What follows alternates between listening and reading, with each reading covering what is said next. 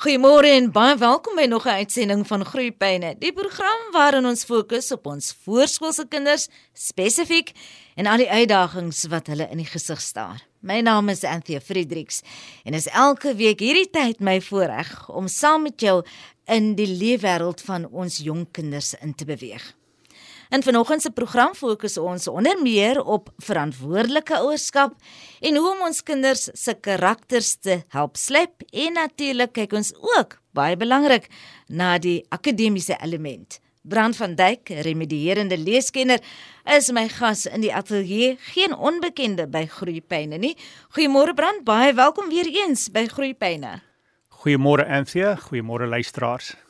Dit is heerlik vir my om vanoggend met jou te kan gesels oor iets wat my baie na aan die hart lê en dit natuurlik die feit dat ons as primêre versorgers van ons kinders, het sy ons nou ouers is, grootouers is, 'n uh, voogte is wat na hierdie program luister en dink, hoe kan ons die beste doen vir ons voorskoolse kinders? Waar hoe genaamd begin ons? Hoe gee ons vir hulle die regte boustene om te verseker dat die pad vorentoe vir hulle soveel makliker gaan wees. En ons speel 'n baie groot rol as die volwassenes, né? En vir dit is so waar. Ouers is sekerlik die primêre opvoeders van hulle kinders. Dit is nie die kleuterskool of die dagsorg of die ou pair nie.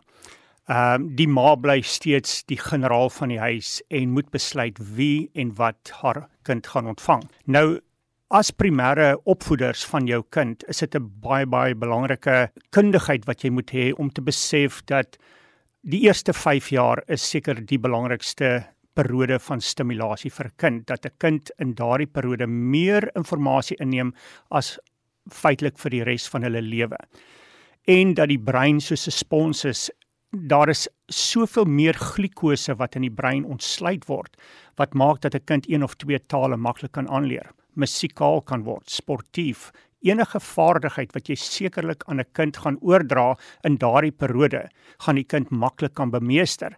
En alles na 6 word soveel moeiliker. So ouers het 'n ongelooflike rol te speel in hulle kind se voorskoolse breinstimulasie. Nou weet ek dan's baie ouers wat sal sê ek wou so graag, maar dan's eenvoudig net nie tyd nie. In die ekonomiese klimaat waarin ons leef, beteken dit dat beide ouers moet werk om die pot aan die kook te hou om ons kinders te voorsien met dit wat hulle nodig het. So daardie venster periode wat ons tyd met ons kinders kan spandeer, raak al hoe kleiner. En vir ek het nou die dag met 'n ma gepraat en sy het net vir my genoem sy jaag van die werk af kleuterskool toe maar kind te gaan optel dan moet sy nog iewers stop om inkopies te doen kry haar kind jaag huis toe om kos te gaan maak dan kom haar ouer dogter by die trappe afgehaal om sê ma ek wil ek moet by die ballet uitkom. Nou moet sy nog die kind ballet toe vat pa sit iewers in die verkeer vasgekeer. Hy weet hy het 45 minute dan het hy 'n buurtwag vergadering so dit is 'n malle gejaag. En dit is nie goed vir breinstimulasie nie ons kinders se fondasie word nie goed genoeg gegooi nie. Uh daardie fondasie bousteentjies het kommunikasie nodig. 'n Ouer wat met sy kind praat. En as 'n ouer dit nie kan gee nie, gaan 'n kind daardie gebrek hê van 'n goeie taalvaardigheid wat eintlik dan die fondasie is vir goeie leesvaardigheid, kommunikasie en jy as ouer sal net moet besef hierdie besige lewe gaan maak dat my kind daardie fondasiestene nie kry nie. Iets sal moet gedoen word en dit is wat ons graag met ouers wil oor kommunikeer vandag. Maar as ons dan nou fokus vanoggend spesifiek brand op op ons voorskoolse kinders, wat gebeur in hulle breine wanneer hulle alles hier sien by hulle verbyflits? Al hierdie gejaag want hulle ervaar dit saam met ons. Baie ouers sê vir my maar in die vroeë jare het ons kinders nie al hierdie probleme gehad wat ons vandag het nie en ek dink dit is omdat ons kinders se brein oorlaai word. Nou as jy te veel dinge gelyktydig hoor en sien soos 'n televisie wat in die kamer bler en daar is geen stilte nie, daar's geen moment van stil staan en net fokus op jou kind nie, dan word kinders se gedagtes of se denkvermoë heeltemal oorlaai. Nou hierdie oorlaai van inligting affekteer 'n kind se korttermyn geheue. Te veel stimulasie sonder dat 'n kind kan reflekteer is soos om 'n brood te bak en dit kry nie regtig kans om te rys nie. Wanneer die korttermyn geheue ongeorganiseerd is en oorlaai word, is dit onmoontlik om langtermyn neurale netwerke in die brein te bou. Langtermyn geheue vlieg by die venster uit. En daardie oorstimulasie van kinders vreet ons energievlakke op. Kinders het eenvoudig dan net nie meer lus om te luister na ma of na enigiets anders nie. Hulle is so gefokus op hierdie televisie wat heeltyd speel in die kamer. Nou, wat kan ek as ouer doen om dit stop te sit? Nou die antwoord daarin lê 1 tot 1 stimulasie. Volgens Dr. Burton White is daar eenvoudig een rede hoekom kinders briljant word op skool. En volgens hom en volgens baie ander kenners is dit die 1 tot 1 gesprekvoering van 'n ma of 'n pa of 'n oud pair of wie ook al met 'n kind. Daardie moment van intense fokus waar die kind se aandag net op jou gefokus is, is primêr die belangrikste rede hoekom kinders uitstyg in die lewe. Ons het nou onlangs Moedersdag gevier en dit laat my dink aan iemand wat so 'n pragtige gedagte gedeel het dat die lewe kom nie met gebruiksaanwysings nie, dit kom met 'n moeder. En dan kan 'n mens dan nou dieselfde sê dit kom met 'n vader ook. En dit soort van reflekteer net die belangrike rol wat ons as ouers speel in ons kinders se lewe. Brand die ideaal sou wees. 'n Mens het 'n baba en vir baie ouers of vir baie ma's kry jy tot op 4 maande dalk kry jy kraamverlof sodat die eerste 4 maande is hy elke minuut van die dag by jou baba dan moet jy weer gaan werk en dan laat jy die kind oor in die sorg van 'n sekondêre versorger wat die meeste van die dag met daardie kind spandeer. So wat ek wil vra is wat maak ons met daardie tyd wat ons wel met ons kinders sê? Hoe gebruik ons dit optimaal? En vir die beste manier om met jou kind optimaal te spandeer is dat voor die kind nog gebore word dat jy alreeds 'n reeks van flitskaarte en stimulasiemateriaal moet gereed hê vir wanneer die kind arriveer. Ek moedig ouers aan om alreeds hier van 2-3 maande af met hulle kind met flitskaarte te begin kommunikeer. Nou die rede vir 'n flitskaart met 'n baba is omdat boeke wat jy daar buite kry is te besig. Daar's baie prente met baie woorde en die kind fokus nie regtig nie. Terwyl met 'n flitskaart bring jy die aandag en die fokus van daardie kind net op daai flitskaart.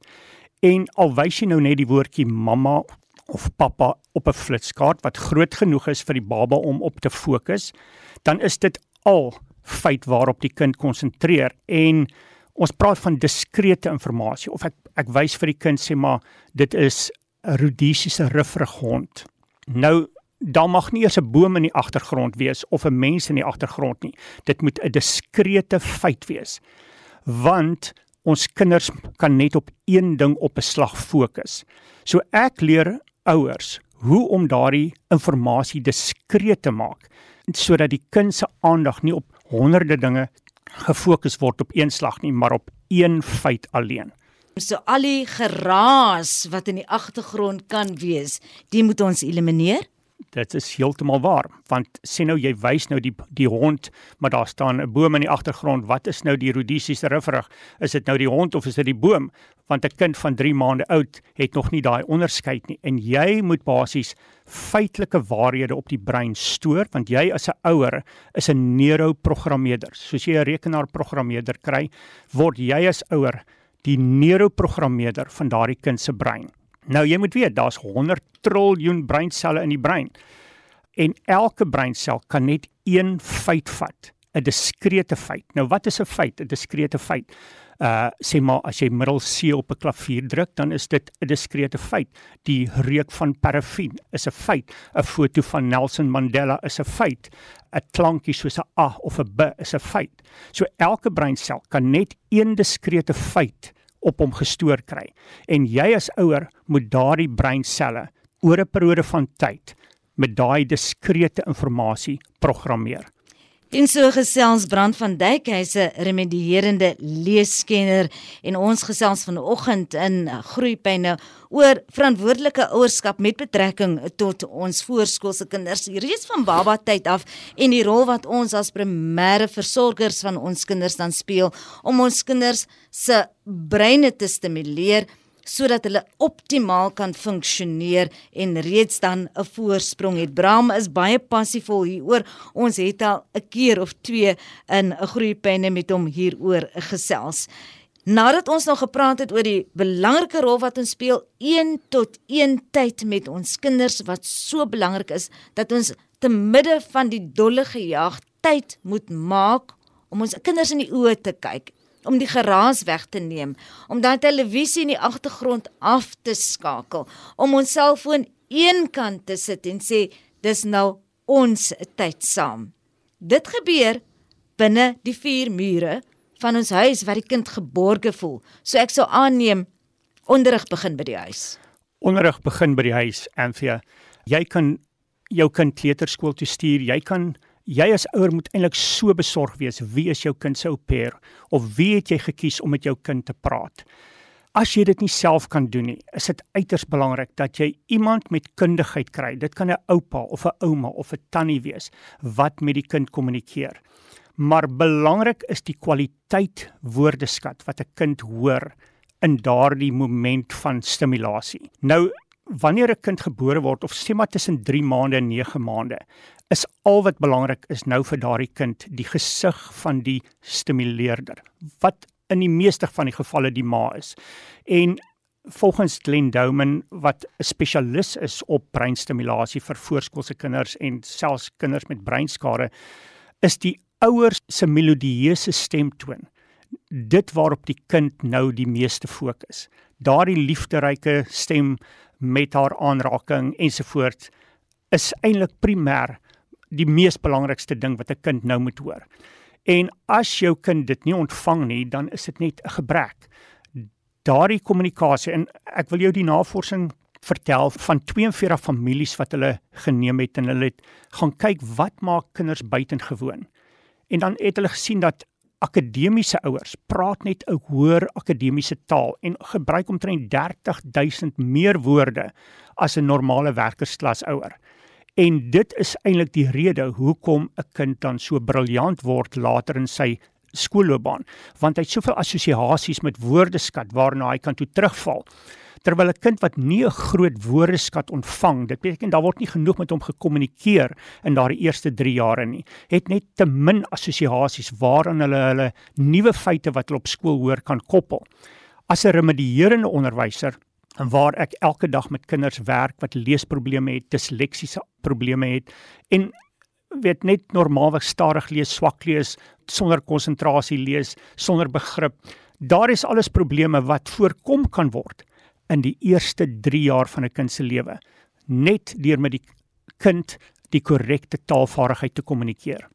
Dis baie interessant wat jy nou daar opnoem en dit laat mense oorrek. As daar nou ouer is wat vanoggend luister en sê ek is nie noodwendig die slimste of die skerpste jy weet potlood daar in die kas nie en ek het beperkte woordeskat. Ek kom uit 'n werkersklas agtergrond. Ek het nie verder akademies gaan studeer nie. Ek wil tog die beste vir my kind hê. Hoe doen ek dit? En vir dit is baie waar.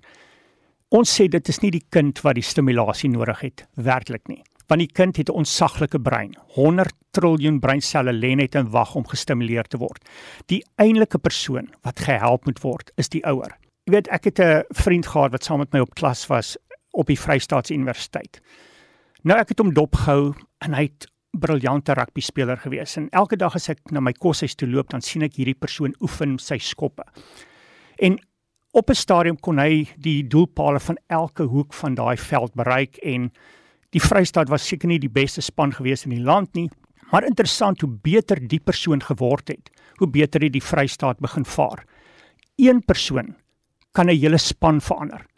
Een ouer wat 'n bietjie gestimuleer word oor hoe om haar kind te stimuleer, gaan nie net haarself verbeter nie, haar selfwaarde verhoog nie, maar sy verhoog eintlik haar kind se waarde en dan die waarde van die samelewing want hoe beter 'n kind word, hoe meer kan hulle deelneem aan die samelewing. So ek as ouer moet opgelei word. Ek het onderrig nodig. Wat kan ek doen? Die belangrikheid is van hoe kan ek my woordeskat verbreek sodat ek my kind se woordeskat kan verbreek. Ek moenie baba taal praat nie. Ek moet taal praat op 'n hoë vlak. Die boeke wat ek vir my kind lees, ek moenie dink in terme van hierdie pap babatjie nie. Ek moet dink in terme van 'n hoogs intelligente kind wat hier voor my lê, as ek daardie taal gaan gebruik, al praat ek Russies, gaan die kind kan Russies praat. As ek Spaans praat, gaan die kind Spaans kan praat. Wat se taal ek ook al op die kind se brein gaan plaas nou, is wat die kind gaan word. So jy as ouer het intense opleiding nodig oor hoe om die brein van 'n kind optimaal te stimuleer. Woorde is baie kragtig, dit wat ons vir ons kinders sê, maar meer nog die manier wat ons met hulle praat nie die woorde soseer nie, maar die intonasie. Absoluut. Toon, toon, toon. Eh, dis nie 'n robotiese tipe aanbieding nie. Jy weet, kinders kyk na jou gesigsuitdrukking, jou oë wat groter raak en jou absoluut die gesigsuitdrukking is wat so belangrik is. As jy nog nooit 'n toneelspeler was nie, is dit die uiterste beste tyd om 'n toneelspeler te wees. Jy weet, haal elke moontlike tegniek uit die boek uit wanneer jy met jou kind praat uh en hou net nooit op met praat nie. En onthou dit is die belangrikste tyd om 'n tweede of 'n derde taal aan te leer al voor die ouderdom van 1 jaar oud. Uh en die navorsing daarvoor is legio. Alles wat jy na 6 doen is eintlik remediering. As ek met wiskunde na 6 begin, die kind gaan wiskunde kan doen, maar op 'n gebrekkige vlak. Maar as ek met my kind wiskunde gekommunikeer het, En jy as ouers sal moet besef, jy weet, as jy nie kan wiskunde doen nie, dan is jy gewoonlik sê jong, maak kan nie wiskunde doen nie. Daar's slim onderwysers op skool wat dit gaan doen. En jou kind hoor nie die wiskunde taal tussen 0 en 4 of 5 nie, dan gaan dit net ten minste stimulasie wees as jy dit eers op skool begin. Jy weet, jy sit tussen 40 en 50 of 30 en 40 kinders in 'n klas. Daar's onmoontlik dat jy op daardie ouderdom enige noemenswaardige stimulasie kry want daar's net te veel aftrekkings en weet jou fondasieblokke is nie daar nie. Jy moet daardie fondasie gooi tussen geboorte en 5 jaar. Branda soveel navorsing al gedoen, studies wat bewys dat wanneer ouers betrokke is by hulle kind se lewe en diep betrokke is, eg betrokke is want soms jy weet doen ons net goed omdat dit gedoen moet word sonder dat ons noodwendig die boodskap aan hulle oordra met ons gesigsuitdrukkings, met die manier wat ons met hulle praat soos jy nou reeds gesê dat jy's vir my belangrik en omdat ek jou liefhet, gaan ons hierdie doen want dis in jou beste belang. Absoluut, Anthea, jy as ouer, ek weet alle ouers het daardie drang om die beste vir hulle kinders te gee. En dis hoekom mense hierdie gesprek het met ouers. Ons weet hulle wil graag die beste vir hulle kinders gee. Maar as jy net bereid is om 'n bietjie opleiding te kry oor hoe om dit te doen, dan is dit soveel makliker vorentoe. Nou jy kan deur te besluit wat jy gaan doen, kan jy jou kind in daardie veld vaardig maak. Mense het soveel voorbeelde soos Tiger Woods byvoorbeeld. Sy pa het hom al op 6 maande in 'n babastoeltjie vasgemaak dan oefen hy sy golfhoue voor hom. En op 4 jaar is hy al reeds in die artikels oor hoe ver hy 'n bal kan slaan uh, die Venus Sisters se pa kon nie eers tennis speel nie, maar hy besluit hy gaan sy kinders tennis leer. Hy neem 'n video uit oor hoe om kind tennis te leer en met 'n bietjie repetisie en herhaling word die kinders die wêreld se beste tennisspelers. Nou dit's wat elke ouer kan doen. Enige normale mens kan net leer om 'n basiese vaardigheid in 'n kind te vestig en daardie kind wil sal net blom in dit waarin jy hom stimuleer. Wat is die voordele wat dit vir ouers inhou wanneer hulle betrokke is by hulle kinders? Die voordele mag nie onmiddellik vir jou duidelik word nie, want onthou ek leer gewoonlik ouers om met hulle kinders te kommunikeer met flitskaarte. Nou enkelwoorde word kombinasiewoorde, kombinasiewoorde word kortsinne, kortsinne word langersinne, langersinne word boeke. Nou die voordeel is jou kind gaan 'n vroeë leser wees. Die voordeel is hoe vinniger jy lees, hoe groter raak jou woordeskat. Hoe groter jou woordeskat, hoe groter is die begrip waarmee jy luister, uh, lees of luister. So jou voordele is legio. Ek het 'n ma gehad wat sy het met haar kinders met flitskaarte begin en almal het vir haar gelag. Maar toe haar kinders graad 1 bereik, toe het hulle geen probleem nie. Hulle hardloop vir die WP, hulle speel rugby vir die WP en weet sy sê ek het nooit 'n probleem om hulle enigstens aan te moedig om te kom studeer nie. 'n Kind wat gestimuleer word, is ongelooflik leergierig. Jy as ouer sal jouself eintlik moet aanpas. Want hoe meer jy jou kind stimuleer, sal jy uit jou gemaksone moet kom, want die kind gaan veel eisend wees. Hoe meer jy stimuleer, hoe meer wil 'n kind gestimuleer word. Hulle het 'n navorsing gedoen op muise uh, of rotte. Rotte sit hulle in 'n hokkie Dis net 'n kaal hokkie en dan sit hulle 'n ander rot in 'n hokkie, maar in die hokkie is daar wielietjies en gangetjies en tolletjies en allerlei draadjies. En dan na 6 maande dan dissekteer hulle die brein van hierdie rot om te kyk wat is die verskil. Die gestimuleerde rot se brein was 5 keer swaarder as die ongestimuleerde brein. In die oomblik as jy 'n brein begin stimuleer, begin daar bloedvaatjies netwerke tussen breinselle groei. Daar's meer suurstof, daar's meer glikose in die brein. So 'n gestimuleerde brein, die gesig begin skyn, die oë begin skyn. 'n Ongestimuleerde brein, daar is net te min elektrisiteit in daai brein. So jy as 'n ouer skep eintlik 'n briljante kundige kind wat langer kan fokus, wat met groter intelligensie kan speel. Hierdie kinders lei gewoonlik die speletjies. Hulle initieer die speletjies wat ander kinders speel. Hulle word natuurlike leiers net omdat hulle eintlik 'n gestimuleerde brein het wat van jongs af plaasgevind het. Wat ons sê is 'n kind is multidissiplinêr. Dit beteken jy as ouer moet besef dat jy moet vele vaardigheid in 'n kind vas lê. Nou 'n vaardigheid word net in 'n kind vasgelê as daar 'n genoegsame herhaling was oor lank genoeg periode van tyd. So as my kind gestimuleer word, moet ek besef daar's verskeie aspekte wat ek moet aandag aan gee. Nou die eerste belangrikste aspek volgens my is natuurlik jou motoriese vaardigheid. Maar motoriese vaardigheid beteken as jy kan kruip, moet jy baie kruip. As jy kan loop, moet jy baie loop. As jy kan hardloop, moet jy baie meer hardloop as wat jy hardloop. Die lyf moet aan die gang bly dit help nie om 'n rusbank tipe kind groot te maak wat net heeldag TV kyk en nee, ek het hoeveel kinders wat na my toe kom vir remediering, dan lees hy goed, maar hy kan amper nie eens 'n potlood vashou nie, want hy kan enige rekenaar spelies, maar sy motoriese vaardigheid is nie ontwikkel nie. So obviously moet 'n ouer aan die motoriese vaardigheid aandag gee, maar dan baie belangrik, die taalvaardigheid jou kognitiewe ontwikkeling wat beteken lees en wiskunde want dit is waarop alles op skool gebaseer is.